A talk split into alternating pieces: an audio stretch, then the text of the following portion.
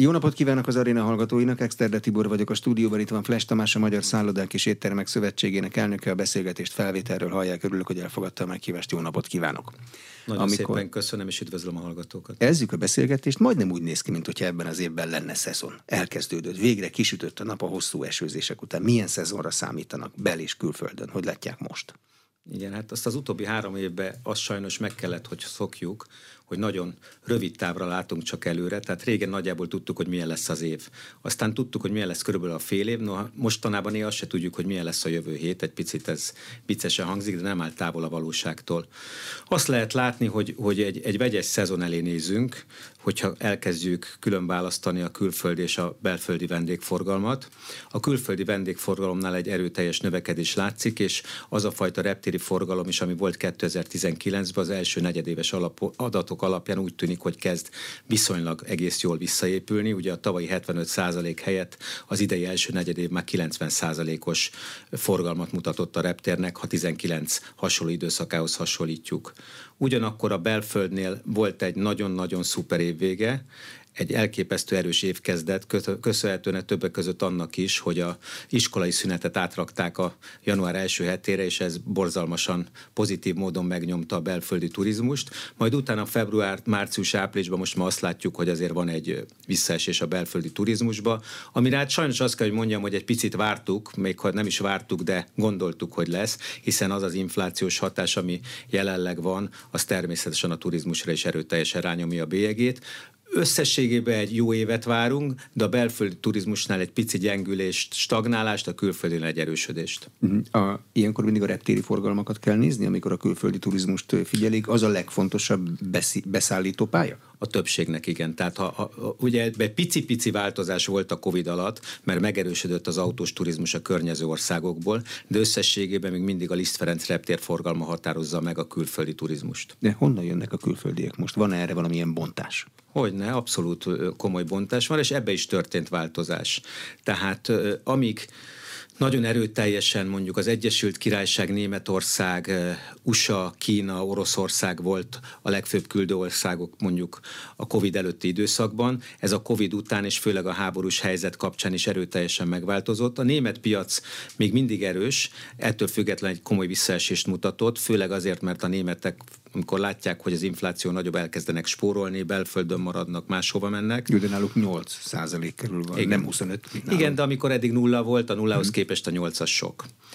Az Egyesült Királyságból is csökkent a forgalom, ugye közben volt egy el nem, hanyagol, nem, nem, egy el nem hanyagolható tényező a Brexit, ami szintén erősen befolyásolja a az Egyesült Királyságból érkező utazási kedvet, és hát Kína praktikusan a tavalyi évben szinte nullára, Oroszország nullára, az Amerikai Egyesült Államok nagyon minimálisra redukálódott, mint küldő ország, úgyhogy ezek megváltoztak, ugyanakkor például elképesztő módon megerősödött Izrael.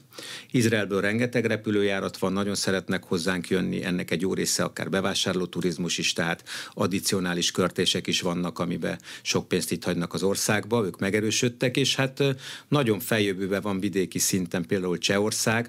Novemberben tavaly volt az első hónap, amikor a csehek vezették a küldőpiacot vidék tekintetében. A németeket a 8%-os inflációjukkal kész vagyok megérteni.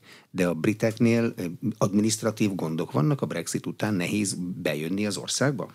Nem, a távolság nem nőtt. Nem, a távolság nem nőtt, a légijáratok száma erőteljesen csökkent, és a repülőjegyek ára is növekedett. Tehát a brit piacról érkező turistáknak egy jelentős része viszonylag ö, ö, kevesebbet költő, olcsóbb turista volt, ugye azért az nem mindegy, hogy 50, 70, Ryan, Ryanair-en 50-70 euróért veszek egy repülőjegyet, vagy mondjuk 150 euróért veszek, az már nem teljesen ugyanaz, ez számít. Tehát, hogy én azt gondolom, hogy ennek ez is az egyik oka, a másik oka meg hát azért ott is van infláció, és ott is van ö, pénzcsökkenés, tehát ez is számít, hogy most mikor jönnek, meg mikor nem jönnek. Az amerikai csökkenés az mivel magyarázható? Hát az amerikai csökkenésnek az egyik legfőbb magyarázója az, hogy a Covid előtt volt direktjárat az USA-ból, most meg nincsen. Tehát ők, amikor destinációt választanak, azért ők azt megnézik, hogy hova lehet repülni. Prága elképesztő erős, változatlanul az USA piacon, oda van direktjárat, nálunk nincsen direktjárat, úgyhogy ez a, ez a jövő feladata, még pedig reményeink szerint a közeli jövőjé, hogy ismét legyenek direktjáratok, ugye a Lott is repülte New Yorkot, és más járatok is voltak, azért, hogy meg tudjon erősödni az USA-ból érkező forgalom. Aki Prágába elmegy, az nem jön át Budapestre is? Nem. Nem? Miért nem? Nem. Nincs ilyen nem. térségi? Hát nem, az, az már azért nem akkora távolság. Hát relatív nem akkora Jó, egy, autóval egy, egy, egy nap, programba, de... Mm, hogy, hogy lehet jönni, akkor meg a repülővel az megint egy költés, autóval azért csak hosszabb, vonatról ne kezdjünk el beszélgetni, hogy kicsit rumli sajnos. Összességében azért sajnos ez nem megoldott, és egyébként érdekes módon Bécsből se sokszor jönnek át. Ugye ami van nálunk az USA-ból érkező forgalomnak egy jó része egyébként a hajós forgalom, tehát ezek a folyami hajós utak, amik indulnak ugye Németországból, és lejönnek egészen hozzánk, az a forgalom az változat változatlanul egészen erős, de a normál földi úton vagy levegőben érkező forgalom az, az sajnos az, az gyengült, de itt van remény, hogy azért ez vissza fog tudni épülni, ha nem is 2023-ban, de 24-ben szerintem már erősebb lesz. A kínai piacról ugye most már van direkt járat, és látszódik, hogy egyre erősebb a kínai forgalom, messze nem éri a, a Covid előtti időszakot, de sokat erősödött, és hát ugyanez vonatkozik Dél-Korea is, ami azért a top 10 küldő volt még 2019-ben, most meg nincsen. Tehát ezek a forgalmak rettenetes módon hiányoznak főleg Budapest tekintetében. De a dél is a, a légijárat hiánya miatt Igen, hiányzik? Így van. Tehát ott sincs. Így van. Akkor lehet építeni? Ugye ez légitársaság, meg üzleti kérdés, hogy mennyire lehet megoldani. Olyan hosszú volt az a covidos időszak, és annyi komoly probléma volt a légitársaságoknál, a személyzetnek egy részét elküldték, repülőgépek, stb. Ezt nem lehet két perc alatt visszaépíteni, és nem feltétlen Budapest az első számú destináció, amit a Covid után elkezdtek újraépíteni, ez idő kell. De Vissza ez, kell építsék. Ez nem térségi kérdés? Tehát nem érdeke viszonylag egymáshoz közelfekvő fővárosoknak Prága, Bécs, Budapest, hogy ezt együtt csinálják? Csinálja mindenki a maga szakállára? Nézze, ez... én mondhatnám erre azt, hogy akár lehet térségi is, de én nem tudok ilyen fajta, én személy szerint nem tudok ilyen fajta együttműködésről, hogy ezek között a városok között lenne bármilyen ilyen kapcsolat, főleg nem az országok között, ott sem tudok róla. Tehát, hogy ez nem működik. Így mindenki a saját, mondjuk azt mindenki a saját pecsenyét akarja sütögetni, nem érdekli a cseheket, hogy Pestre jön valaki, sőt, és az osztrák diákokat sem. Uh-huh. Ezt mindenkinek magának meg kell oldania, bár itt is szerintem az összefogás segítene, de nem látok erre komolyabb kezdeményezéseket. A Dunai folyami hajós ö, turizmus az, az jó üzletnek számít. Róluk azt látni, hogy jönnek a hajók, saját buszok mennek, saját helyekre mennek, mint ha mindent ők intéznének. Az nagyon jó üzlet. Nagyon? A, ö, igen, egyébként a városnak is jó üzlet, mert azért itt komoly díjakat fizetnek, meg amikor kijönnek, akkor fogyasztanak, és egyébként szoktak itt ö, szállodákba aludni is, tehát ez a szállodáknak is plusz forgalom, hiszen nagyon sokszor egy amerikai vendég megérkezik ide, ez a végcélja az utazásra, és innen megy el repülővel, bár átszállással, de innen már nem hajózik vissza máshova. Tehát ilyen szempontból azért ennek van szállodai bevételi oldala is mindig. Mhm. Férne még hajó a Dunán? Csak azért kérdezem, mert voltak itt az elmúlt években arról viták, hogy hol kössenek ki a hajók. Az nagyon nem tűnik mindegynek, mert a kiköttetik őket a pusztába, nem tűnik olyan jó ötletnek. Hát ez egy, ez, e, erről biztos, hogy egy hosszabb műsorban több emberrel lehetne beszélgetni. Én azt gondolom, hogy férne. Az, hogy a belvárosba férne, abban már messze nem vagyok biztos, és egyetértek önnel, hogy nem mindegy, hogy hol köt ki a hajó. Egyébként vannak olyan városok, ahol értelemszerűen sokkal gyengébb pozíciókba kötnek ki a hajók, és mégis van belőlük, tehát akár még ez lehet egy plusz ö, ö, bevételi forrása jövőre nézve. Mindenképpen, ahol kiköt, ahol olyan infrastruktúrát kell kialakítani, hogy ez megfeleljen a, a busz megállásoktól kezdve minden egyéb más kérdésben, hogy az jó legyen a, a vendégeknek. Nem is mindig tisztázott ezeknek a kikötőknek a helyzete százszázalékosan, szóval ezzel van, lehet, lehet és van teendő. Mhm. Amikor üzleti befektetéseket hoznak egy országba, eh, Hankok, eh, Samsung, akkor azzal jön turizmus is? Vagy csak a családok jönnek vele? Én azt, azt merném mondani, hogy jön. Tehát onnantól kezdve, amikor egy országot üzletileg feltesznek a térképre, az mindig hoz plusz turistát. Ugye nem feltétlen erre a, a, a kérdésre válasz, hogy Hankok meg Samsung, de amikor mondjuk a Samsungnak van egy konferenciája Pesten, és arra jönnek az üzletemberek, és meglátják, hogy milyen szép destináció és mennyire érdemes eljönni, akkor a következő időszakban nagyon sokan visszatérnek szabadidős turistaként a városba, meg az országba is. Tehát ilyen szempontból az üzleti turizmusnak van utána egy plusz hozadéka mindenféleképpen. Konferencia turizmus vissza visszaépült? Megszoktuk a Covid alatt, hogy senki nem akar találkozni, mert nem lehet, meg, meg lehet ezt oldani interneten is. Sajnos abban a formájában, ahogy volt a Covid előtt, nem épült vissza. Lehet, hogy abban a formájában nem is fog. Ettől függetlenül van benne pozitív fejlemény, és én úgy látom, hogy a Magyar Turisztikai Ügynökség is erőteljesen dolgozik azon, hogy a kongresszusi turizmus előbb-utóbb erősebb legyen az országban. Ugye arról nem szabad elfeledkezni, hogy 25-30 évet várt a szakma egy nagy kongresszusi központra, ami, ami azért tulajdonképpen megépült a Hungexpo területén, pont a Covid alatt.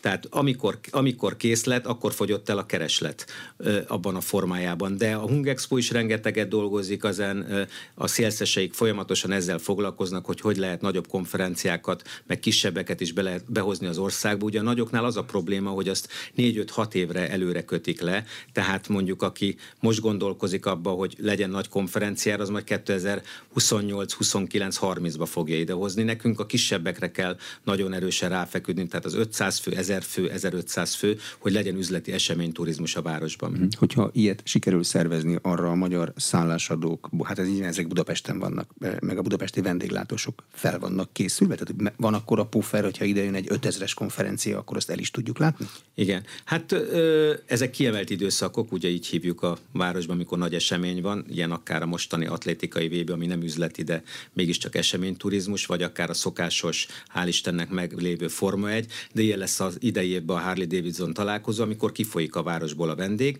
Ugye mi ezt azért szeretjük, ez most magyar fogyasztó oldaláról nem hangzik jól, mert ilyenkor nagyon magas árakon lehet értékesíteni a szobákat. Ugye az üzleti konferenciaturizmus jóval nagyobb költést mutat, mint a szabadidős turizmus, ezért nagyon fontos nekünk, hogy ez bejöjjön, mert ezzel átlagárat tudunk erőteljesen növelni. Mennyi a szorzó ilyenkor? Mondjuk egy Harley Davidson találkozónál, mint hogyha én hát megyek a barátaimmal simán dupla is. Dupla? Uh-huh.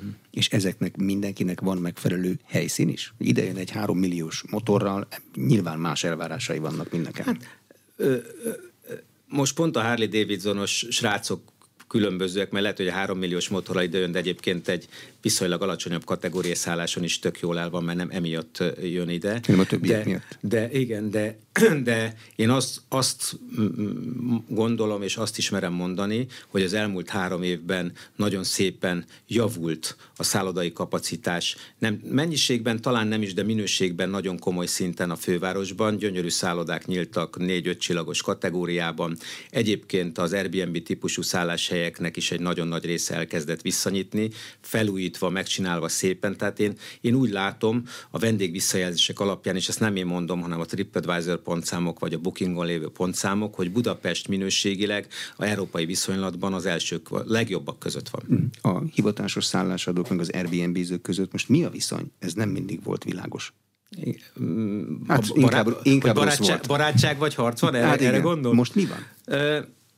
hát én azt gondolom, hogy, hogy pont valamelyik nap ugye teniszből lévő hasonlat a Novák Gyokovics fogalmazott úgy egy interjúban, hogy ő, ők nagyon tisztelték egymást a Nadállal és a Federerrel, de nem lehettek barátok, mert riválisok voltak. Szóval szerintem köztünk is mi nem leszünk valószínűleg barátok a magánszállásadókkal, de ettől még tisztelhetjük egymást. Nekünk soha nem az volt a bajunk szállodásoknak a magánszálláshelyekkel, hogy vannak. Mi azt szerettük volna, hogyha közel hasonló kritériumrendszerrel dolgoznának. Azért ez a kritériumrendszer már közelített nagyon sokat egymáshoz, még ha vannak még mindig problémáink. Mondjuk azt, hogy egy, egy nagyjából békés időszakot élünk meg egymás mellett. Mm, és ez meddig tarthat, ameddig úgy látszik, hogy jó lesz a szezon? Mert amikor kevesebb a vendég, akkor nyilván a konfliktusok is erősödnek, ez itt is így hát van? Hát egyértelmű. Egyértelmű. Uh-huh. A tipikus németországi nyugdíjasok jönnek, vagy akiket a hajókon látok, azok tipikus amerikai Nem, tipikus németországi nyugdíjasok már jóval kevésbé jönnek az országba. Talán a német piacról ez is a visszaesés, hogy ők vesztek el, és annyi fiatal, meg középkorú nincsen, hogy pótolja az időseket, ők kevésbé jönnek már Magyarországra. De azért ettől függetlenül erőteljes a német turizmus, tehát még mindig ő vezeti a, a, az országos rang, rangsort, a Budapestit messze nem. Hm. Hogy számolnak az orosz turistákkal? Nyilván a háború az keresztbe vert mindent, de hogy számolnak velük? Nem számolunk velük alapvetően, tehát az orosz turisták száma nagyon erőteljesen lecsökken.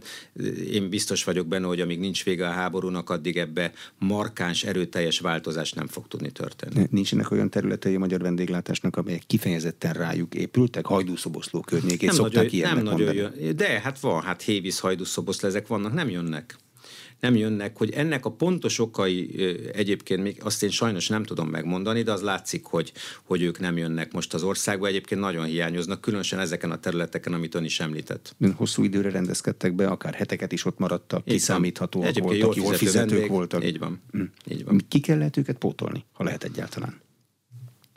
Én azt gondolom, hogy amit az előbb említettem, és nem csak Budapest viszonylatban, országos viszonylatban ugyan nincsenek annyian számszerűen, de sokan vannak azért. Tehát az izraeli turisták például meglepő, hogy ennyire erősek lettek, és ennyien, ennyire Magyarországra jönnek, szeretnek itt lenni, biztonságos ország, árérték arányban nekik ez kiváló, és nem csak Budapestre jönnek, hanem vidékre is mennek, tehát hogy ilyen szempontból lehet valamit pótolni, és, és ami nagyon megerősödött, erről is beszéltem már egy fél mondatot az előbb, hogy a, a, a vidéki viszonylatban a környékbeli országokból érkező turisták turisták, tehát csehek, szlovákok, románok, de még akár a lengyeleket is, aki nem teljesen környékbeli, de nincs nagyon messze, őket is lehet említeni. Velük lehet pótolni, és hát tovább kell építeni ezt az egészet, akár Budapesten, akár vidéken, hogy minél több európai destinációból érdemes legyen jönni. Hát az se egy jó dolog, hogy mondjuk Franciaország, ami egy nagy ország, csak Párizsból van direktjárat Budapestre. Régen volt Lyonból, meg volt, hogy volt Bordeaux, meg volt Marseille, tehát ez így nagyon nehéz ennek a megoldása, amíg ezek nem épülnek vissza. Sajnálom, hogy erre kell még egyszer visszakanyarodni, de a légijáratok száma az, az markáns, markánsan meghatározó. Az izraelieknél értem a biztonság igényét, világos azért azzal lehet magyarázni, hogy sokan jönnek, de a környező országokból, Csehország, Lengyelország, Szlovákia, Románia, ott volt valami kampány, fölhívják a figyelmet Magyarország szépségeire, vagy mi történt? Egyébként volt, és van, és lesz is, mert, mert látja a Magyar Turisztikai Ügynökség is, hogy ez egy olyan piac nekünk, ami, ami fontos és, és működik. Azt lehet azért mondani, ugye most már nagyon rég volt a rendszerváltás, de, de 30 évvel ezelőtt és utána jó sok évig nem volt divat kelet-európainak kelet-európai országba menni, mert az nem volt trendi, meg nem volt jó dolog, mondtam azt, hogy hol volt, tehát én elmentem Szlovákiába nyaralni. Jó, de sielni, egy és, ideje már járunk. Igen, és ez fordítva is igaz. Tehát, tehát ma már Magyarországra eljönni, nyaralni, vagy idejönni, az egy, az egy jó dolog. Hát ez egy, ez egy turisztikailag erős és jó szolgáltatással bíró ország, tehát miért ne jönnének ide? És egyébként a légitársaságok ugye a repülőjegyek drágulásával, ugye a buszos vagy autós közlekedés relatíve olcsó lett, még akkor is, hogyha benzin is drága, és nagyon egyszerű, tehát beül az autójába, idejön, kiszámítható, tudja, hogy mennyi idő. Ugye nagyon sokszor repülővel is ugyanannyi idő, mert ki kell menni két órával előbb a reptérre, meg ott a, az egész procedúra, meg utána bejönnek, kijönni, tehát egy, egy másfél órás repülőút, az simán hat óra lesz a végén, az kocsival is meg lehet tenni hat óra, csak vezetni kell. Fél óra alatt ott vagyunk, váltott vezetéssel, villámgyorsan. Tehát, hogy ez, ez nagyon sokat segített rajta, és szeretnek ide jönni hozzánk. Hmm. Hova jönnek a turisták? Elsősorban Budapestre még mindig? Hát Ö, elsősorban igen, tehát a, a, a bő kétharmada, inkább 70 százalék az még mindig Budapestre jön, és akkor a többiek mennek Hajdúszoboszlótól, Sárvár, Bűk, ö, Hévíz természetesen, de akár ugye a déli országokból Szeged, Gyula, azok is ebbe abszolút markáns szerepet töltenek be, de hát Budapest viszi a primet, és hát én azt gondolom, hogy azért még nagyon sokáig Budapest is fogja vinni. Hány napos országnak számít most Magyarország egy jól fizető turista számára? Aki nem üzleti turista, hanem azért jön, hogy lássunk Igen, minket. az átlagos tartózkodási idő Budapesten ez a 2,7-2,8-ról nem nagyon tudott elmozdulni. Ugye volt sokszor erre kísérlet, hogy hogy tudunk lenni 3,5, de még nem tudtunk lenni. Még ebbe van szerintem tartalék, főleg Budapesten, hogy az egész Budapest és vonzáskörzetek közép-Dunavidékkel lehetne ezt erősíteni. Ez még nem jött össze. Én ebben annyiban vagyok csak szkeptikus, és nem is annyira turisztikai turisztikába dolgozó emberként, hanem magánemberként is, hogy annyira felgyorsult a világ, hogy egy ilyen city break turizmus az erről szól két éjszaka két és fél éjszaka, mert elmegy, ide megy, meg oda megy, meg amoda megy, tehát hogy ebből csinálni három és felet, az nem egy egyszerű feladat. De az egy 2-8-ról elmozdulni három félre, az üzletileg egy nagyobb ugrás lenne, mint ami, mint ami így első látásra látszik? Nagyon. Hát az még egy éjszaka maximum. Nagyon, nagyon sok pénz, rengeteg pénz. Hát de arányaiban nézzük meg, hogy 2-8 és a 3-5 között azért százalékosan egy komoly számban. Hm. Mi a megoldás? Látnak-e valami gyakorlatot arra, hogy hogy lehet 2-8-ból 3-5-öt csinálni? Események, Plusz program? Események, programok. Tehát akkor jönnek, hát most tudom, hogy nem lehet minden évben atlétikai VB-t rendezni, de, de, kellene. Most, de most az atlétikai világbajnokságra elképesztő mennyiségű ö, turista, meg nem turista is fog jönni, és azok nem két napot lesznek itt. Hanem amíg tart a VB. Hát, ha nem is végig, de akkor már jönnek három napra, négy napra, tehát, tehát jóval hosszabb időre. Tehát az esemény, turizmus, az események azok, amik tudják ö, a, a, ott tartózkodási időt növelni. Uh-huh. Tehát mindenképpen meg kell pályázni mindenféle sportot, Aminek rajongó tábora van, meg kulturális eseményeket, hát fesztiválokat? A, ugye mindenféle sport sem mindegy, mert gondolom agyak galamb lövészetre nem jönnének annyian, mint atlétikára, tehát azért a világ harmadik legnézettebb sporteseményéről beszélünk, tehát én azt gondolom, hogy ez nem csak ö, adóbevételileg, de marketing szempontjából is egy, egy hatalmas siker és eredmény lesz az országnak. Mi azért pontosan láttuk, hogy az úszó VB után, különösen az első úszó VB után milyen szinten megnövekedett Budapestnek és Magyarországnak az ismertsége. Tehát amikor még ma is olyan fotókat, meg filmeket látni, hogy a parlament előtt ugrik be a, a, a, toronyból. a, a toronyból az ott lévő, nem Dunába, de medencébe. De úgy nézett ki, mint az a ugró, Olyan volt, mint a Dunába ugrott volna be. Az egy, az egy nagyon, nagyon ö,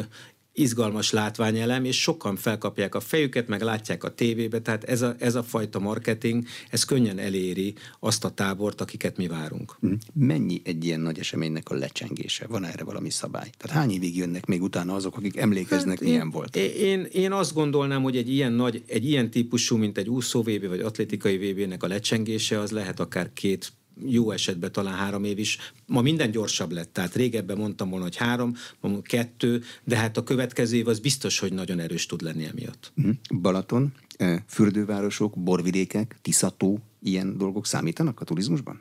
Hát a belföldiben nagyon. A külföldiben is kellene, hogy előbb-utóbb szám, számítsanak. Azért azt nagyon jó látni, hogy az elmúlt három évben minden nehézségünk dacára rengeteg izgalmas és jó fejlesztés történt, nem csak szállodaiparba, hanem magánszálláshelyekbe is, tehát privát mondjuk csak ezek a kis pici tiny házakról beszélünk, de attrakciókba is, és tulajdonképpen az lenne a cél, hogy a destinációk saját maguk megteremtsék azt a fajta program lehetőséget, hogy azért érdemes legyen oda menni magyaroknak is, és külföldieknek is. Ugye nem véletlen az, ami most a, például Tokaj környékén történik, ugye Eddig, ha valaki elment Tokajba, akkor nem tudott ott normális szálláshelyet találni, mert viszonylag minimális volt a szálláshelyek száma. Most azért egy-két nagyon komoly fejlesztés történt az elmúlt pár évben. Most van hol aludni, önmagába érdemes lenni. Ha már ott vagyok két napot, akkor elmegyek még egy programra, ott is elköltök egy kis pénzt, és ugyanezt történik egyébként a Balatonnal is az elmúlt években, de más országrészekről is beszélhetünk, tehát mindenhol megpróbálják azt, hogy hogy lehet a vendéget odahozni, és hogy lehet hosszabb ideig ott tartani. Tehát én azt hiszem, hogy ebben nem mondom, hogy, hogy megoldottuk a helyzetet, mert ez nagyon nem lenne igaz, de, de egy, egy határozott javulás látható. De ilyenkor a fejlesztés hívja életre az igényt, mert megtudják, hogy most már lehet hol megszállni, és lehet elmenni este bortúrára, és nem kell hazamenni, vagy a az igény miatt jön létre a fejlesztés, és valaki megkockáztatja, és beleteszi a pénzét, és megvárja, még oda mennek? Ez mi a sorrend? Ez, ez kéz a kézbe jár, ugye ez, eh, erre nincs, teljesen nem tudom azt mondani, hogy ez így vagy úgy van, ugye meg kéne vizsgálni egyenként a helyszíneket. Tokajba, ugye Tokai példát, ha már mondtam, ott, ott volt rá igény is, de azért bátor volt a fejlesztő, mikor belevágott, de úgy tűnik, hogy, hogy a bátorság az, az ki fog fizetődni, és, és oda fognak menni a vendégek. Hát azért érdemes megnézni, ugye itt is az van, hogy ki az, aki konzervatív befektető, meg ki az, aki ö, vagy nyugati típusú, és, és bármire is elmegy aranyatásni, és hát ha bejön, hát ha nem jön, mindegyikre van példa. Én azt hiszem, hogy Magyarországon azért inkább a konzervatívabb típusú befektetők vannak, és ez bizonyos szempontból nem baj, de, de ebben most az utóbbi években tényleg pozitív változás történt. Ugye Tokai borvidékünk a leghíresebb magyar borvidék, valószínűleg ezt ismerik a legtöbben. Név szerint biztos. Név szerint biztos, de nem, ez nem az az egy borvidékból, borrégióból is egy tucatnyi van. A recept működhet máshol sőt, is? Sőt, több, sőt, sőt 22 van, nem, és nem akarok butaságot mondani, de sok van. Azt hiszem, a bor régiók, még bor vidékekre is le vannak osztva. Tehát hát én azt gondolom, csinálni? hogy a Balatoni régió például különösen az északi part az egyre erősebb, és, és itt a magyar vendégeknél is látni, hogy azért az elmúlt jó pár évben megváltoztak azok a szokások is, egyre több igényesen fogyasztó vendég van, aki nem csak akar inni egy bármilyen bort bármilyen formában, hanem megszokta, mert a világot is látott, meg amúgy is, hogy, hogy jó minőségű bort szeretne inni, és ebben nagyon nagy változás történt, mert azért, és csak azért említettem Balaton felvidéket, mert az még szintén híres, de hát rengeteg van. Beszélhetnénk Szexárd környékéről, vagy Sopronról, vagy rengeteg helyről. Nem szeretnék senkit kiadni, nem fogom felsorolni, de hogy ö, ma már a, a bor épülő, nem csak bor, hanem a bor köré épülő gasztronómia, az komoly húzóerő mind a belföldi, és mind az ott lévő külföldi vendégnek is. Mm, egy igényes borvendég az nem csak a bort igényli, hanem esetenként, sőt igény akkor magát a borászt is igényli. Így van. Tehát, hogy beszélgessenek vele. Tehát hogy mondják, a, borá, és a, a borászok imádnak beszélgetni, tehát szerintem ezzel van, nincs nagy probléma. Én, én, én azt gondolom, hogy a borászok, hál' Istennek jó értelemben vannak annyira hiú emberek, hogy örömmel beszélnek a borukról, és nekik ez nem egy munka, hanem egy hobbi, hiszen tudjuk jól, hogy a borászat legtöbbször hobbiból indul ki, mert ez nagyon nehéz pénzügyileg és minden szempontból egy nagyon nehéz szakma. Tehát nekem az a tapasztalatom, hogy, hogy a borászok akár kisebb, akár nagyobb gazdálkodók, mindegyik szívesen beszél a boláról, ezzel semmi probléma nincs. Tehát tudnak minőségi programot adni, így van, és így van. gyakorlatilag bárhol.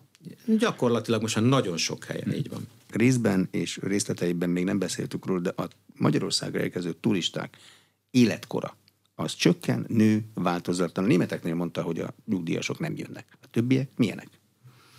Bulituristák a Brexittel nem jönnek.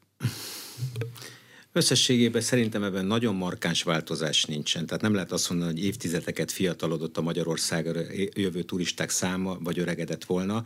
Ugye nincs, nem olyan mennyiségekről beszélünk, ez a normál demográfiai cserélődés, hogy, hogy többen utaznak, kevesebben utaznak. Szerintem ez, ebben nincs nagy különbség. Minden korosztály jár hozzánk, tehát azt lehet látni, hogy tényleg a, a 20-tól vagy 18-tól 70-ig, 80-ig bárki megtalálható az országba. Hát nagyon jó érzés látni, amikor visszatérve megint az amerikai hajós turistákra, hát azok viszonylag idős emberek már, akik néha ott próbálnak feljutni a különböző attrakcióba, várba ide-oda. Egyébként ez néha problémás is, hogy ilyen idős embereket ebbe a városba mozgatni lehessen, mert csak ugye a busz nem, nem jut be mindenhova. De én ebben nem látok olyan változást, ami, ami különösebben izgalmas lenne a számunkra. A fesztivál turizmus az erősödött? A Covid alatt nem erősödött nyilván. Igen. A fesztivál turizmus szerintem ö, ö, változott.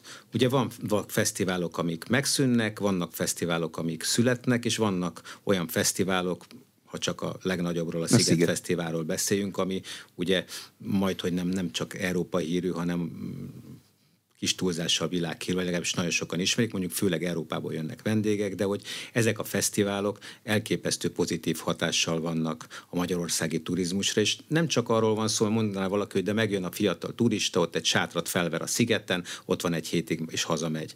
Ez nem így van, mert azt figyeltük meg, hogy ezeknek a turistáknak nagyon, nagyon nagy része a sziget előtt két nappal, vagy a sziget után még két napig fogja magát, és beköltözik egy jó minőségű, drága szállodába Budapestre, és megnézi a várost. És a 2-8-ról ott elmozdulnak és három ott és fél felé. És ott el tudnak mozdulni, mert akkor már, már sokszor öt napot is itt vannak, meg hat napot, meg egy hetet is. Hm. Jól fizetőek? Mondjuk a szigetre érkező turisták? Nehéz megítélni, mert a magyar zseb számára mindig is drága volt a szigetjegy. Pont azért mondtam ezt a példát, tehát hogy, hogy nem egy, meg nem két esetben láttuk, hogy a hátizsákos turista ott van, mert ugye azzal érkezett a szigetre, megérkezik a négycsillagos szállodának a recepciójára, ugye augusztusban azért egy szoba ott 150, 160, 180 euró, és gond nélkül kifizeti. Tehát ha ez a kérdés, akkor szerintem nagyon normálisan fizető turistákról van szó, nem olcsó turistákról. Hmm. A vidéki fesztiválok, például most a Veszprémi, ezek fenn vannak a térképen, erre azért évekig szokott készülni egy ország az Európa Kulturális Fővárosa programokra.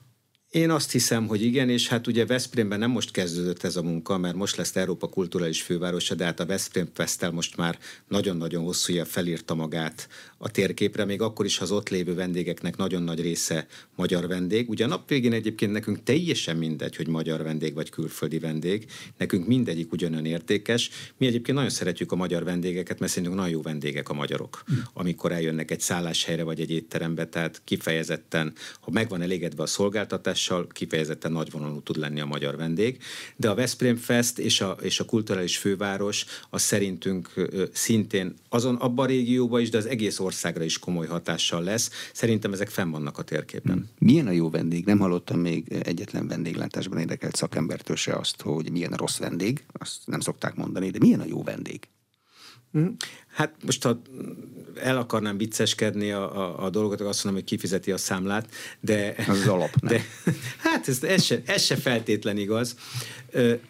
Ugye a vendéglátóiparban azért a jó vendég az, aki, aki tényleg fogyaszt. Tehát mm, értelemszerűen minél nagyobb bevételt generál valaki, annál jobb vendég. Tehát a jó vendéget nem, most nehogy valaki félrejtse, nem viselkedés alapján gondolja senki, hogy ott szépen viselkedik, vagy nem szépen viselkedik. Értelemszerűen egy botrányosan viselkedő vendég az komoly problémát okoz egy vendéglátóhelyen vagy egy szállodában, de hát ezt kezelni kell az adott hely tulajdonosának, üzemeltetőnek, bérlőjének. Szétlövi a velencei tükröket, de hát, utána kifizeti, bár, akkor rendben van. Hát igen, de ha a többi vendéget ezzel zavart, akkor az sincs teljesen rendben, de igazából a jó vendég az, aki, aki, aki jól fogyaszt. Hm. Igénybe veszi a rendelkezésre így álló, van, neki felkínált szolgáltatásokat. Hát most egy, egy hm. vendéglátóhelyen is beül valaki, eszik egy levest, meg egy pohár vizet, vagy beül valaki három fogás, és még kikér mondjuk egy üveg pesgőt is, a, a között van ugyanazon a széken komoly nagyságrendi különbség van bevételbe. Hm. Van Magyarországon, ha jól emlékszem, 18 óta létezik egy foglalási és fogyasztási adatokat naplózó rendszer, amiből a statisztikai hivatal meg a szakma is dolgozik. Ezt a vendéglátósok látják most, és július 1-től még a lángos sütőnek is kötelező lesz valós idejű adatot adni. Akkor csak, hogy tisztázzuk, a ENTAK-ról beszélünk, tehát a Nemzeti Turisztikai Adatszolgáltató Központról, ami a Magyar Turisztikai Ügynökséghez van bekötve közvetlenül, ezt használják a szállodák most már több éve, ugye, ami napi szinten online módon gyűjti az adatokat a szállodáknak, vagy a magánszálláshelyeknek a rendszeréből. Ugye ez egy szoftver alapon működő rendszer, ez senki nem ér hozzá, senki nem nyúl hozzá, ez automatizmuson működik, beküldi az adatokat, és ebből az adatokból dolgoznak. Ugye ez az egész azért volt fontos, hogy adatvezérelt marketing módon tudjon működni a Magyar Turisztikai Ügynökség, azaz pontosan tudjuk, hogy milyen nemzetiségük vannak, hol vannak, merre fele mozognak, hogy fogyasztanak, honnan jöttek. Honnan jött, mind, mind, alapvetően mindent fontos elmondani itt is, hogy itt nem arról van szó, hogy név szerint tudják, hogy Kovács Béla hogy volt, hanem azt tudják, hogy az előző napon 32 darab magyar vendég volt abba a szállodába, ez volt az összfogyasztás, nem a 32 magyarnak, hanem mindenkinek együtt. Tehát nagyon sok ilyen, ez mobil adatokat is használnak, és ez ugye ma a döntéshozatal adatalapon működik, a marketing döntéshozatal is így működik, a social médiától kezdve mindenhol, tehát ez nagyon fontos volt. Ez a rendszer most már sok éve működik a szállodákba, működik most már az összes magánszállás helyen, tehát minden hely, ahol van ágy, be van kötve ebbe a rendszerbe. Nagyjából, most nem tudom pontosan megmondani, nagyjából 42 ezer hely. Ehhez fog most többszöri halasztás után csatlakozni a vendéglátóipar, ahol szintén nagyon nagy számról beszélünk, mert ahogy ön is mondta, a fine dining étteremtől a sarki büféig, de a kocsmáig mindenki be lesz kötve online módon július 1-től ebbe a rendszerbe, ami adatot fog szolgálni automatizmuson, tehát az adatokat senkinek nem kézzel kell beírni, nem kell bepötyögni, ezt egyszer meg kell csinálni, amikor változás van, ki kell javítani, de ez automatikusan fog történni. Tehát ha rendelek egy felest, akkor a, amikor kifizetem a pénztárgépből, automatikusan fog bemenni az adat? Nem. Nem, ez úgy, nem ez úgy néz, ma, ugye nem, nem bonyolultabb ennél, de akkor röviden elmondom a működését, hogy ez hogy néz ki. Ugye mindenkinél van már NAV online pénztárgép, tehát abban így is úgy is be kell ütni a felest, hogy maradjunk az ön példájánál. Ugye ezt a felest nem csak a pénztárgépbe üti be, egy, egy étterembe vagy egy szállodába, hanem van egy bizonyos mm, vendéglátóipari szoftver, abba is beüti.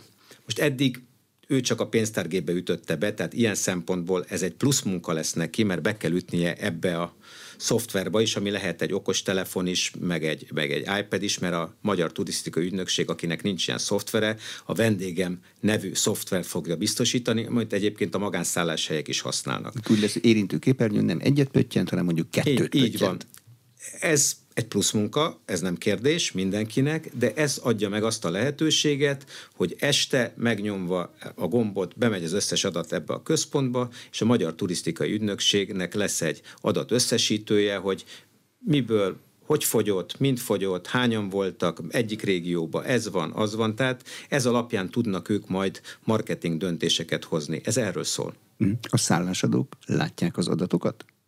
A szállásadók látják a múltbeli adatokat, látják a jövőbeli adatokat, amik jelen pillanatban még a turisztikai ügynökséggel dolgozunk, mert nem teljesen pontosak még, de nagyon jó úton vagyunk azon, hogy, hogy ezek egyre pontosabb adatok le, legyenek. Ugye a szállásadóknak a múltbéli adatok is fontosak, de nagyon fontosak a jövőbéli adatok, mert az alapján tudunk döntéseket hozni, azt látjuk, hogy az egész régióba felmegy vagy lemegy a vendégek száma, akkor természetszerűen lehet ahhoz élő gazdasági döntéseket hozni. Tehát ennek megvannak ezek a pozitív hozadékai.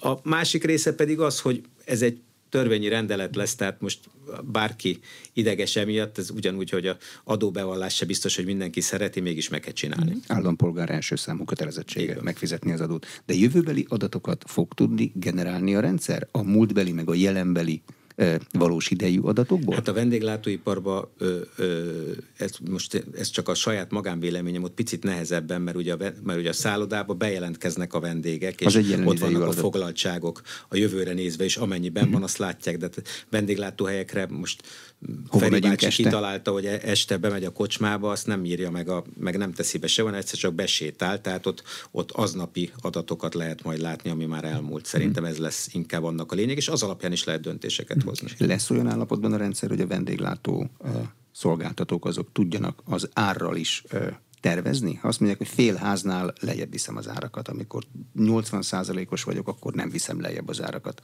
Nem feltétlenül a szomszéd szállásadót kell megnézni, hanem Most én szállásról régiót. beszélgetünk. Szállás, szállás. A szállás az, az abszolút. Hát ugye, ugye itt a, ő láthatja a régiós adatokat is, láthatja az országos adatokat is, és ez alapján hozhat döntéseket azzal kapcsolatban. Azt látja, hogy mondjuk a, az egész régió, látja, hogy a régiós adatok mondjuk 98% a forgalom egy hónap múlva, mert olyan jól áll, ő meg csak 50-en, akkor elgondolhatja, hogy magasabbra teszi az árakat, hiszen el fog fogyni, mert nincs szoba, de ez fordítottan is igaz. Hm, és ez ö, térségre is igaz? Tehát Térs, mondjuk régiókra. Magyarországon belül. Így van. Or, szomszédországokkal nem, semmilyen összeköttetés nem, nincs ebből? Nem, Tehát azt, nem. De azt nagyjából látják, hogy körülbelül milyenek a foglalások most Olaszországban? De még nagyjából se. Semmit? Semmit nem látjuk. Azt, hogy... Mindenki csak azt látjuk, ami itthon van. Egyébként a, a magyar entak rendszer, az, az, a, az, egy, az nem egy jellemző a világban, tehát ez, mi az elsők között vagyunk abba, hogy egységes adatszolgáltató rendszerünk van, tehát nem az hogy ez minden országban van. A, a horvátoktól kezdve, most nem akarom fel, mert nem tudom megmondani, hogy milyen országok, azok úgy néztek erre az ENTAK rendszerre, hogy hú, ez milyen jó dolog, és hogy, hogy van, mi is meg akarjuk csinálni. Tehát itt, itt ebbe, ebbe speciál Magyarország maximálisan ö, pionír szerepet tölt be, és amúgy ez egy jó dolog, a gazdaság fehérítésébe is jó dolog, ami persze értelemszerűen nem mindig tetszik mindenkinek, de, de egy sokkal tisztább versenyhelyzetet és gazdasági helyzetet tud teremteni a tisztességes vállalkozók számára. Arról honnan van adat a magyar tervezőknek, akár a vendéglátóknak, akár a turisztikai ügynökségnek, hogy a környező országokban hol tartanak? Mennyi a foglaltság most? május közepén Olaszországban? Nem tudok erre válaszolni, szerintem nincsen adat Senki Magyarországon senkinek. Senki. Én azon nagyon meglepőd. Hát nézze, tehát megnézi az ember, hogy van-e hely még, ahova akar igen, menni, és látja, hogy igen. nincsen, akkor azt elkéstem? Tehát... Igen, szóval, szóval nincs, nincsenek adataink a környező múltbéli adataink vannak a környező országokból természetesen, hiszen most is épp tegnap néztük egy táblázatot, mert tegnap volt a Magyar Szállodák és Éttermek Szövetségének az éves közgyűlése, ahol az első negyedéves adatok voltak. Mi ugye itt összehasonlításban vagyunk Bécs, Prága, Budapest, Varsó, Pozsony, de inkább az országokat mondom, tehát Csehország, Ausztria, stb., ahol egyébként most már tartósan Magyarország a második helyen van, egész jól megközelítve Ausztriát, tehát ilyen adataink vannak, de ez a múlt. De azt nem tudom megmondani, hogy augusztusban mi lesz Ausztriában vagy Csehországban. Uh-huh. Tehát ezt nem is lehet arra készülni, nem. hogy esetleg itt, ha ott náluk van még hely, vagy náluk már beteltek, akkor rájuk dolgozunk, tehát nem, semmilyen. Nem, ilyen nincsen. Nem, nincsen. Ilyen nincsen. Munkaerővel most hogy állnak? A Covid alatt arról szóltak a hírek, hogy próbálják tartani az embereket, de nem mindenki tudja tartani az embereket, amikor nincs munka. Hát én, én úgy hiszem, hogy ez a munka, munkaerő kérdés, ez egy ilyen állandó problematika, hol nagyon erősen, hol kevésbé erősen, de mindig gond, most is gond a munkaerő. Ugye most még nagyobb gond lesz, mert ugye májusban vagyunk, és elkezdődnek a szezonális üzleteknek a nyitásai, nem csak a Balaton, hanem Tiszató és egyéb más helyeken, ahol csak szezonális üzletek vannak, ahol megint felszív plusz munkaerőt a vendéglátóhely is, meg a szálloda is. Külföldre a Covid után azért most már szép lassan közel ugyanannyi, ha nem többen visszamentek dolgozni, tehát ilyen százezres nagyságba dolgoznak külföldön. Főleg Ugye, Ausztria? Főleg Ausztria, igen, Ausztria, Németország. Ugye a Brexit után Nagy-Britannia egy nehezebb, vagy az Egyesült Királyság egy ne, inkább Nagy-Britannia ugye nehezebb dió lett, de, de Ausztria, Németországba abszolút visszamentek, és, és ez is egy probléma. Vannak vendégmunkások egyre nagyobb számban, már nem csak ukrán vendégmunkások, hanem ázsiai vendégmunkások is hogy, hogy ez abszolút a jövő, erre én nehezen tudok önnek válaszolni. Egy biztos, hogy folyamatosan átalakulóban van a szakma, folyamatos változások vannak, munkabérek, növekedések vannak, ma már a szezonális üzleteknél szinte alig lehet munkerőt találni, ha nem biztosít a, a munkadó szállást, tehát ezek nagyon nagy változások az előzőekhez képest, és ezzel lehet ott tartani a, a, a munkaerőt kafetéria rendszerrel, egyebekkel. De egy szezonális munkadó az honnan szívja el a munkaerőt? A, hát más, az a munkaerő a szezonon ki, Pestről? Uh-huh. És akkor hogy megy vissza, amikor vége van, azt hogy megbeszéli hát igen, a munkadójával? Nem, de hát van hely. Tehát úgy, úgy ma azért sokan könnyebben váltanak nyára, hogy azt mondjam, és lemegyek maradjunk akkor a Balatonnál, lemegyek a Balatonra dolgozni két és fél hónapot, sokkal több pénzért, mint amennyit Pesten kerestem mondjuk egy vendéglátóhelyen vagy egy szállodában, mert tudom, hogy ha vissza akarok jönni ősszel, lesz hely, mert ugye mm, alapvetően munkaerőhiány van. És addig... Főleg, főleg bizonyos pozíciókban. De addig őszig kidolgozik itt Pesten? Hát az kicsit, ott maradó emberek kétszer Az ott annyit? maradó emberek, meg akkor megint más, tehát ez egy állandó körforgás, meg nehézség, meg hát azért azt kell, hogy mondjam, sajnos, hogy néha ez a minőség rovására is tud menni, mert most gyorsan találni valakit, aki beáll, vagy akkor a, a, nincs annyi kiszolgáló személyzet, vagy nem annyian vannak a konyhán, tehát ez egy, ez egy komoly kis társasjáték, amit itt folytatunk össztársadalmilag a turizmusban, különös tekintettel a nyári szezon, de nyári szezonon kívül is, tehát azért még mindig nagyon nehéz ö, ö, szakácsot találni, felszolgálót, recepcióst, de sokszor már vezetőt is. Tehát egy jó szállodaigazgató se úgy vagy, akkor holnap reggel találunk egy jó szállodaigazgatót. Szállodaigazgató hova megy? Külföldre? Vagy szállod más másikba? Másik szakmában? Mm, olyan is van, igen. Nagyon, nagyon sokan elmennek. Mondjuk nem feltétlen szállodaigazgató, de az alatti szintről, tehát értékesítésről, recepcióról sokan elmennek másik szakmába, mert magasabb a jövedelem. Mm. Tudják a nyelvet? Hát meg, meg nincs hétvége, meg nincs éjszaka, szóval teljesen másképp tervezhetőek a, a, a dolgok. Ebbe, ebbe a szakmába azért szerelmesnek kell lenni egy kicsit, hogy az ember csinálja. Mm. Említette Ausztriát meg Németországot. Ausztriában, amikor vége van a sí szezonnak, akkor hazajönnek az emberek, vagy akkor ott a vendéglátósok, vagy elkezdődik a nyári szezon, a bringa szezon, és ugyanúgy ott maradnak? Hát én azt tudom mondani, van egy-két szálloda vezető barátunk Ausztriában, van, aki nem is magyar, hanem osztrák, és vannak olyan helyek, a sí, sí szezonos helyek, aki azt mondja, hogy neki nyáron magasabb az átlagára, mint sí szezonban, pedig sí szezonban is magas. Tehát Ausztria egy, egy nagyon komoly szinten hosszan működő, majd hogy nem 12 hónapban működő ország, most Bécsen kívülről beszélgetünk, meg városokon kívülről, hát ott tudnak ők maradni, nem kell onnan hazajönni. De miért tud ennyire hosszan működni a hegyek miatt? Hát ennek sok oka van. Ö, ö, ez is benne van a hegyek, ott nagyon régóta működik, nagyon komoly szinten a biciklis turizmus, a kiránduló, a rafting, egyebek, pluszba ott már nagyon régóta működik az, amit mi mindig irigykedve néztünk, és hát ebbe az irányba kell menni, a destinációs menedzsment. Tehát ott elmegy az ember egy, egy kisvárosba, még annál is kisebb, és a környéken rengeteg program van.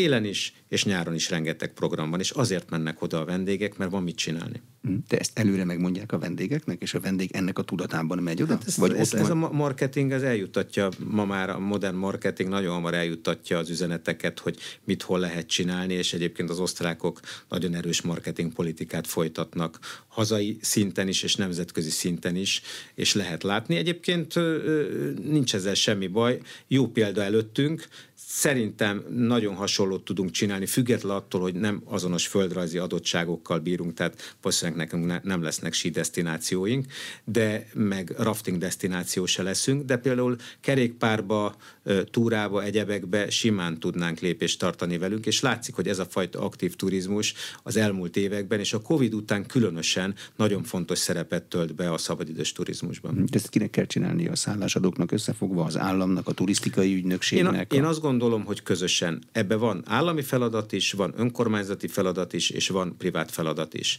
Ugye értelemszerűen utakat nem fog a, a, a, a magánszektor építeni, tehát ez biztos, hogy állami feladat. Hogy, Budapest, Balaton hogy, állami feladat. Meg az is állami feladat, hogy ott az a fajta infrastruktúra, az odajutás, meg az ott lét az meg legyen. Aztán van önkormányzati feladat is ebben, mert, mert a környezetet rendbe tartani, a közvetlen környezetet, az az önkormányzatnak lenne már a feladata. És természetesen van benne privát feladat is, hiszen megvannak ezek az adottságok, és akkor arra lehet üzletet, meg terméket építeni, tehát terméket kell fejleszteni. De ez jó példa itt akár Budapesten is, hát azért a belvárosban volt egy pár olyan koszos, leszakadt utca, ahova az ember még a kutyáját se szívesen engedte be, majd jött a önkormányzat, állam, teljesen mindegy, tehát semmiképpen nem a privát szféra, meg felújította, sétálózóna lett, gyönyörű díszburkolat lett, megcsináltak a helyzetet, és bejött a privát, mert egyből látta, hogy oda érdemes bejönni, mert onnantól kezdve a fogyasztó is be fog oda már jönni. Tehát Csak ez kell, van nagyjából így működik. Kell, hogy menjen a takarítógép, meg így legyen van, utca, ahol van, tud menni. És van, akkor utána, az, ha tiszta, meg működik, akkor ez, behozza. Ez csak egy, e, nagyon együtt kell mozogni ebben, mert, mert egymás nélkül nagyon nehéz. A forint árfolyamra vagy az inflációra kell jobban figyelni az önök szemével? Mi a fontosabb? Hát ugye a, a mi szakmánknak egy része exportágazat, tehát főleg Budapesten, tehát a szállodák, akiknek euróba vannak az árai, tulajdonképpen mi exportálunk, független attól, hogy itt vagyunk helyben, és nem külföldön vagyunk, mert ide jön a vendég, euróba kapjuk, a, a euró alapon van a bevételünk. Gyengébb Most, forint az jó. Gyengébb forint az jó, így ahogy mondja. Egyébként állampolgárként én nagyon boldog vagyok, hogy ilyen erős, most meg ma éppen kevésbé, de hogy nagyjából ilyen erős a forint. Ugyanakkor szállodaüzemeltetőként meg nem jó nekünk, mert mi 4-410-zel számoltuk erre az évre, és akkor ki lehet számolni, hogy a 370 ahhoz képest az egy 10 százalék, tehát 10 százalékkal kevesebb a bevételünk forintban, mint amennyit terveztünk. Vidéken egy picit másképp megy, mert ott azért többségében forintban vannak az árak. Az infláció egyébként nagyon erős hatással van a turisztikai szektorra. Az elmúlt pár hónapnak a viszonylagos csökkenő belföldi kereslete erre vezethető vissza, hiszen az a fajta diszkrecionális jövedelem, ami, ami ugye arra jó, hogy utazunk, meg, meg vendéglátóhelyre megyünk, az erőteljesen lecsökkent. A kártyák összenyitása javított rajta valamit? A kártya nagyon fontos. A kártyák összenyitása mindenképpen jó nekünk, de önmagában nem tud megoldás lenni. Egyébként nagyjából a szálláshelyeknek most a szállodait tudom, a vendéglátót nem tudom, nagyjából olyan 25%-át fizetik szép kártyával. Szép kártya nagyon fontos, de, de ha, ha baj van, akkor, akkor, akkor a szép kártya se feltétlenül segít. Nincsen tragédia egyelőre, én ezt nem szeretnék ilyet mondani, de azt látni, hogy van egy tendencia, ami azt mutatja, hogy egyelőre a belföldi keresletben van visszaesés, mint ahogy ezt mutatja a kiskereskedelem és minden egyéb más, hiszen az emberek elkezdtek spórolni teljesen érthető módon, és megpróbálják az alapvető szükségleteiket kifizetni. Ami nekünk jó hír, hogy a Covid-nál is láttuk, és az alatt is, hogy a, a turizmus, az utazás, az alapvetően majdnem, hogy lement a Maszló piramisnak az aljára, tehát egy ilyen kötelező dolog lett a evés-ivás mellett, és abban a pillanatban, ha csak egy pici felszabaduló jövedelme van valakinek, azt nagyon szívesen használja arra, hogy ö, utazzon, fogyasszon, vendéglátóhelyre menjen, szállodába menjen, wellness hétvégézzen. Be voltunk zárva. Bármilyen. De Nyilván. nem ez valahogy úgy, úgy az embernek így az utóbbi időben, és a, és a fiataloknál látni nagyon erőteljesen, hogy ők kevésbé kezdenek el feltétlenül arra gyűjtögetni, hogy egy autót vegyenek, vagy lakást vegyenek, vagy bármi más, viszont nagyon szívesen vesznek élményt. De és belföldön nekünk... is vesznek szívesen élményt? Belföldön is vesznek élményt, értelemszerűen nagyon szeretnek külföld, ami természetes dolog, hát most 20 éves fiatalember a világot akarja látni, de belföldön is vesznek élményt abszolút. A luxusfogyasztás az szinten maradt? A luxusfogyasztás, nálunk azért a luxusfogyasztás relatív nem egy nagyon vastag réteg, de az, de az működik. Hát igen, azt azért lehet látni, hogy ugye itt jöttek is statisztikák az elmúlt egy-két hétbe, hogy azért a magyarországi jövedelmeknek az 50 át azt a felső 10 százalék birtokolja, úgyhogy ez ilyen szempontból mutatja, hogy a, a magas árazott termékeknek talán a közeli jövőképük jobb, mint a közepes vagy az alacsonyabbaké. Hmm. A középfogyasztás spórol az infláció igen, miatt, igen, meg, aki, igen. Meg, meg az alacsony. Hát az alacsonynak egy szeren, szerencsétlen szempontból eddig se volt nagyon volt. sok lehetőség, ami nagyon szomorú, és jó lenne, hogyha ez is meg tudna változni, de a, a középréteg, aki, aki úgy keresett, hogy mellette még meg tudta tenni, ott van a probléma, tehát ott van, ott van egy lefele csúszás. Arról van valamilyen információjuk, becslésük, hogy akinek lesz pénze, az hova fog menni ebbe az évbe? Belföldre, külföldre? Mm. Hol be, belföldre, hova, külföldre, hova? Itt szoktuk összehasonlítani a Balatont meg az Adriát. Igen, nagyon nehéz összehasonlítani egyébként bármit a külföldön, mert mikor vettem meg, hova mentem, sat, tehát hogy nagyon sok összetevője van a dolognak. Még a Balaton saját magával is nehéz összehasonlítani, mert nem mindegy, hogy melyik nap megyek le, és mikor foglaltam le a szállásomat, hiszen ma már a dinamikus árazással ugyanabban a szállodába egymás mellett lehet, hogy ön kétszer annyit fizetett aznap, mint én, vagy fele annyit, attól függ, hogy hol és mikor vette meg. De összességében azt látni, amennyi a számok alap alapján ugye itt a, az utazási irodák szövetségétől is tudjuk, hogy a kiutaztatók nem szomorúak. Tehát azt látni, hogy, hogy, hogy változatlanul nagy a kiutazásra a kedv, sokan mennek, ez a belföldi turizmusnak sajnos nem tesz jót. Hát tehát adott mennyiségű emberünk van. Így, így, így van, a torta az nem nagyon nőtt, sőt, Ugyanakkor azt látni, hogy, hogy kint is növekednek az árak, azt is látni, hogy a növekvő árak mellett elképesztő kereslet van, tehát sok helyen külföldön már most is nagyon nehéz megfelelő igényszínnek és pénztárcának megfelelő szálláshelyet találni. Nagyon last minute-be fog ez eldőlni, ez a kis pici versenyfutás, hogy, hogy most belföld vagy külföld. Én merne, szeretném hinni, és bízom benne, hogy azért sokan itthon fognak maradni. Ha mindent összead, a repülőtől kezdve, lehet, hogy kocsival megy, de minden mindennel együtt, nem biztos, hogy ez a külföldi utazás az neki, az neki olcsóbb. Most, ha éppen el akart menni, és tengerpartunk nincs tehát azt nem tudunk adni. De, de azért vannak már nagyon jó helyeink az országba, ahova el lehet menni tavasszal, de leginkább nyáron ugye a fő turisztikai szezonban. Én optimista vagyok azzal kapcsolatban, hogy, hogy a, a, a nyár jó lesz, hogy olyan jó lesz mint a tavalyi, vagy kevésbé, ezt nem tudom megtippelni. Köszönöm szépen. Az elmúlt egy órában Fles Tamás, a Magyar Szállodák és Éttermek Szövetségének elnöke volt az Inforádió arénájának vendége. A műsor elkészítésében Illis László, felelős szerkesztő és Módos Márton főszerkesztő vett részt. A beszélgetést a rádióban most felvételről hallották, és az infostart.hu oldalon is figyelemmel kísérhetik. Köszönöm a figyelmet, Exterde Tibor vagyok.